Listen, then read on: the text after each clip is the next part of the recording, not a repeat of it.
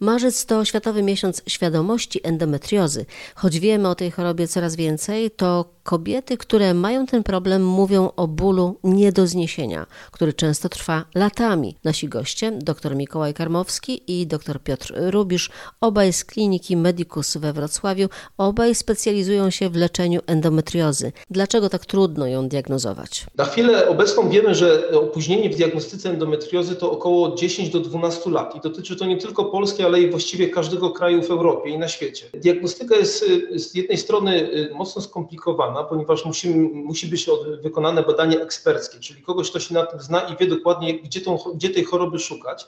Natomiast diagnozujemy to poprzez rutynowe badanie ginekologiczne, a więc jedną z najprostszych czynności w ginekologii, którą stosujemy, dwuręczne badanie i badanie we wziernikach. Natomiast używamy również do diagnostyki rezonansu magnetycznego, ale także USG. USG mamy dostępne w każdym gabinecie.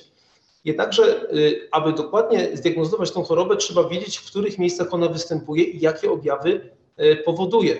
Na chwilę obecną wiemy, że choroba ta ma tak różną symptomatologię, czyli tak mnogą ilość objawów, że pacjentka może mieć objawy od bolesnego miesiączkowania poprzez zaburzenia żołądkowo-jelitowe. Właściwie każdy organ, który jest tą chorobą zajęty, może dawać objawy. I myślę, że ta mnogość symptom tych objawów powoduje trudności diagnostyczne. O objawach powiemy więcej za chwilę. Jeszcze tylko pytanie, jak duża jest skala tego problemu? Szacuje się, że na endometriozę choruje co dziesiąta kobieta, a być może nawet i więcej.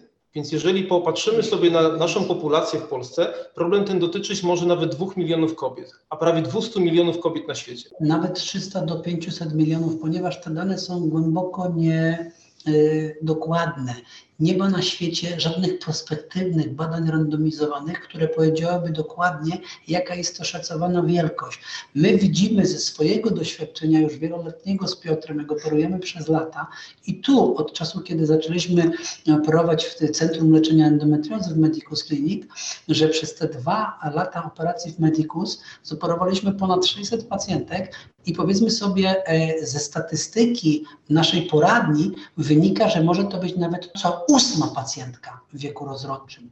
Czyli to jest rzeczywiście bardzo niedokładna statystyka, która, pamiętajmy o jednym, gro pacjentek nie wie, że choruje na endometriozę.